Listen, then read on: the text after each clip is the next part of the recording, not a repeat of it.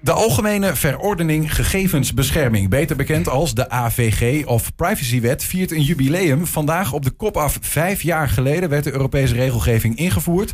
Nog altijd wordt eraan eh, geschaafd, zodat het Europese Hof deze maand nog een belangrijke uitspraak. De vraag die voorlag, als de AVG geschonden wordt, hoe zit het dan eigenlijk precies met schadevergoeding aan het slachtoffer? Dit is mijn uitspraak en daar moet u het mee doen. Rechtspraak met Damstee Advocaten. Privacyadvocaat Niek Huibers is bij ons aangeschoven. Goedemiddag. Hi, goedemiddag. Voordat we bij die vraag over die schadevergoeding komen. AVG, vijf jaar. Moet ik jou feliciteren?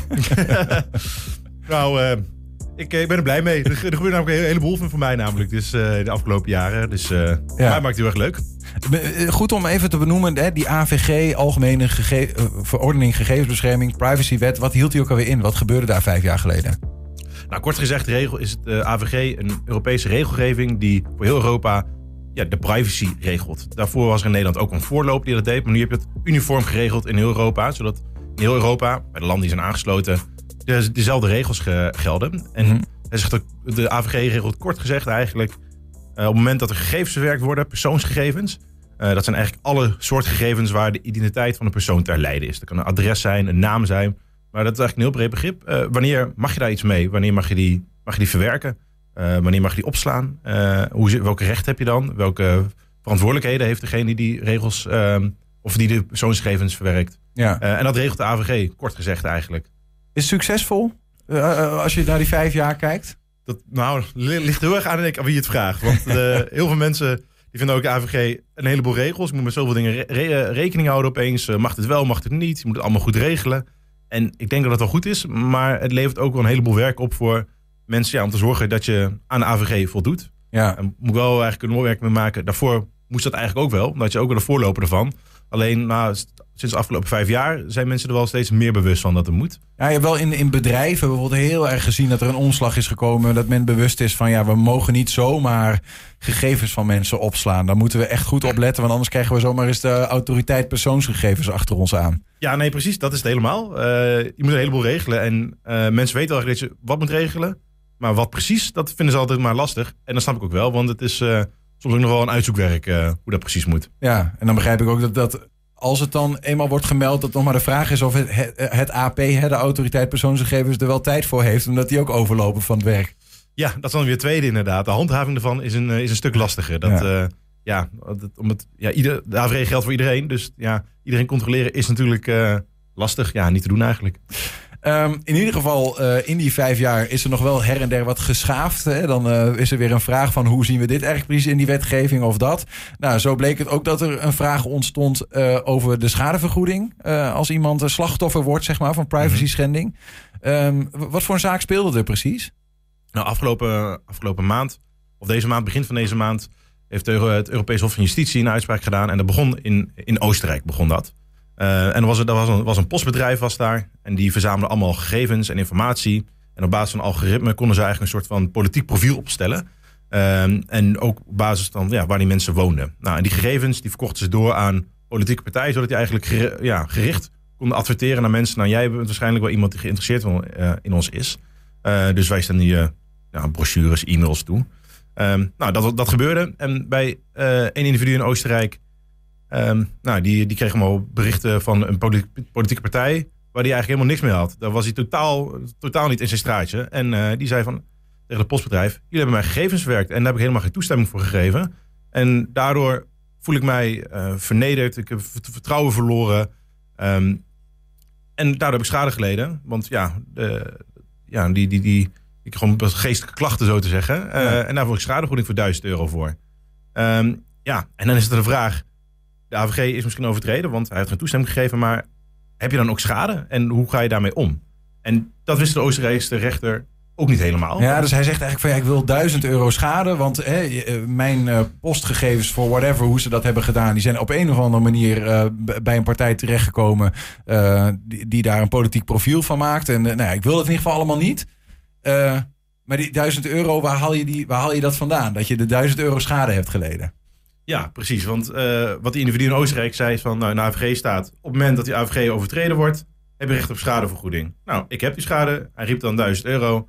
Uh, dus die wil ik hebben. Ja. Ja, en dan is de vraag van, ja, is die overtreding van die AVG voldoende? Of moet ook echt daadwerkelijk schade zijn? En dat is eigenlijk in heel Europa, werd al een beetje mee gestoeid van hoe dat nou precies moest. Ja. Nou, wat Eh. heeft het Europees... Want uiteindelijk gaat dan die Oostenrijkse rechter... Die, die gaat dan uiteindelijk... Want het is een Europese regel. Bij het Europese eh, Hof van Justitie is dat, denk ik. Die gaat dan shoppen van... Nou, hoe werkt dit eigenlijk? Ja, kort gezegd wel. Je gaat bij de Oostenrijkse rechter, is daar is doorgeprocedeerd. Komen ze bij de hoogste, hoogste Oostenrijkse rechter. En die wist ook niet helemaal. En die vraagt dan aan het Europese Hof: hoe moet ik deze, hoe moet ik deze regel zien? Hoe moet ik deze uitleggen? Hoe moeten we deze toepassen? Ja. Eh, dus ja, vraagt eigenlijk een korte uitleg. En waarom doet dan een Europees rechter? Nou, omdat het een Europese re- regelgeving is. Dus die is voor iedereen in Europa van toepassing. Dus dan moet ook de hoogste Europese rechter daar iets over, over zeggen. Nou, belangrijke uitspraak dus. Wat, wat zegt hij daarover? Wat heeft hij daarover gezegd? Nou, kort, eh, kort gezegd, eh, want ja, werd, een, werd een boel besproken. ehm, werd geconcludeerd, nou, de enkele overtreding van de AVG, dus op het moment dat de gegevens verwerkt worden zonder dat er toestemming voor is, eh, is niet alleen voldoende voor schadevergoeding. Je moet ook daadwerkelijk schade hebben geleden en er moet ook verband zitten tussen die schade en de overtreding. Dus op het moment dat gegevens verwerkt worden en je hebt schade, dan moet, daar moet wel een oorzakelijk verband tussen zitten. Ja. En eigenlijk op drie, die drie pilaren, daar moet aan alle drie voldaan zijn. En pas dan kun je recht hebben op schadevergoeding. Mhm. Nou, in dit geval werd dat dus, ja, wordt dat dus wel lastig, denk ik. Eh, want eh, nou, je hebt, enerzijds kun je materiële schade hebben. Dat is schade die je gelijk in geld kunt uitdrukken. Dus ik heb mijn auto kapot gereden. Nou, een factuur voor de reparatie. Nou, gelijk, gelijk naar geld herleiden. Maar op het moment dat je last hebt van stress of psychische klachten...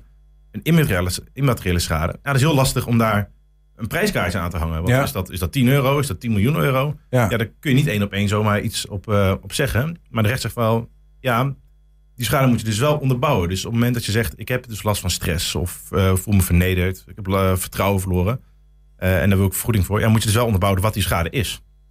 En ehm, dat, is, dat is lastig. Ja. En, en, en al even terug naar de, naar de casus waar dit in Oostenrijk over ging. Dus je hebt een postbedrijf dat gegevens eh, uiteindelijk omzet in politieke profielen. Op dit, dat adres woont waarschijnlijk iemand die op die en die partij eh, stemt. Mhm. Dat verkopen ze. En daar is een man en die zegt: Hé, hey, mijn gegevens zijn verkocht. Ik, had, ik heb daar geen toestemming voor gegeven.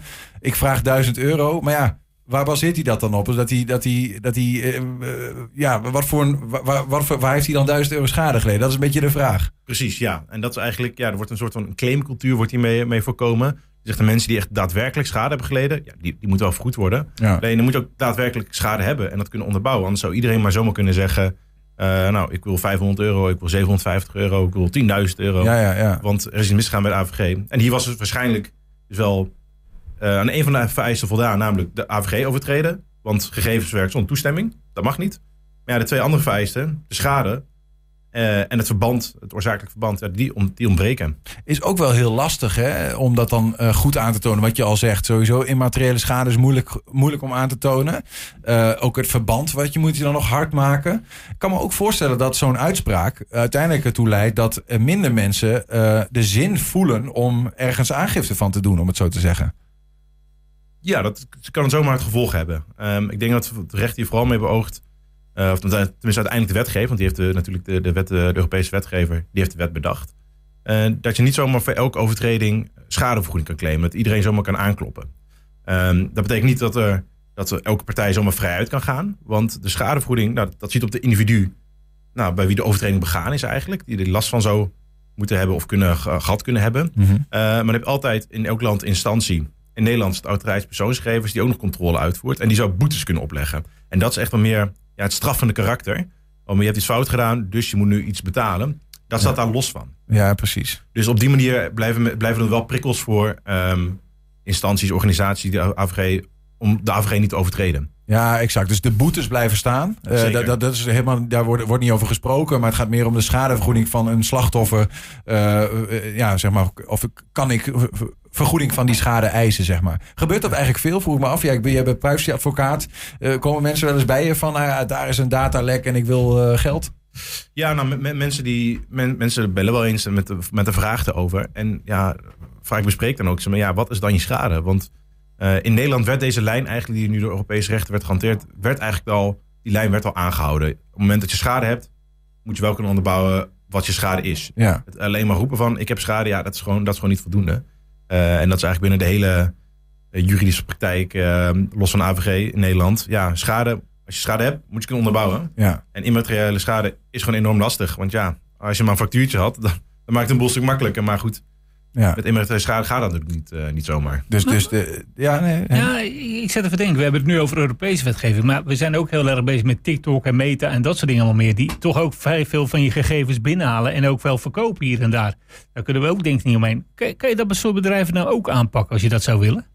Ja, dat, dat is het lastige van. Die, die aantal van die bedrijven die zitten dan deels gevestigd buiten Europa en deels gevestigd binnen Europa. En het aanpak van ja, daar loopt al, daar loopt al best wel wat. Dat Ja. mensen, ja, die, zij moeten die gegevens wel op de juiste manier verwerken. En dan wat houdt het in?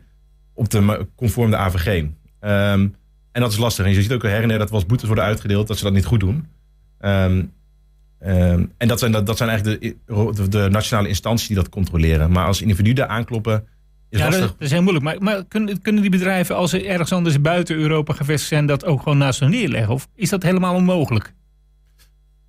Ligt, ligt eraan, want eh ligt aan welke gegevens je werkt. Als je vanuit de gegevens vanuit Europa verwerkt, ehm, moet je voldoen aan de AVG. Eh, maar als die partijen dan wel in Europa zijn gevestigd en ze doen het wel goed, het blijft, blijft een lastige discussie. En Ja. vaak is dat ook een beetje grijs, want die, ja, die, die eh, grote bedrijven die, die geven ook niet overal eh, ja, eh, inzicht in, eigenlijk.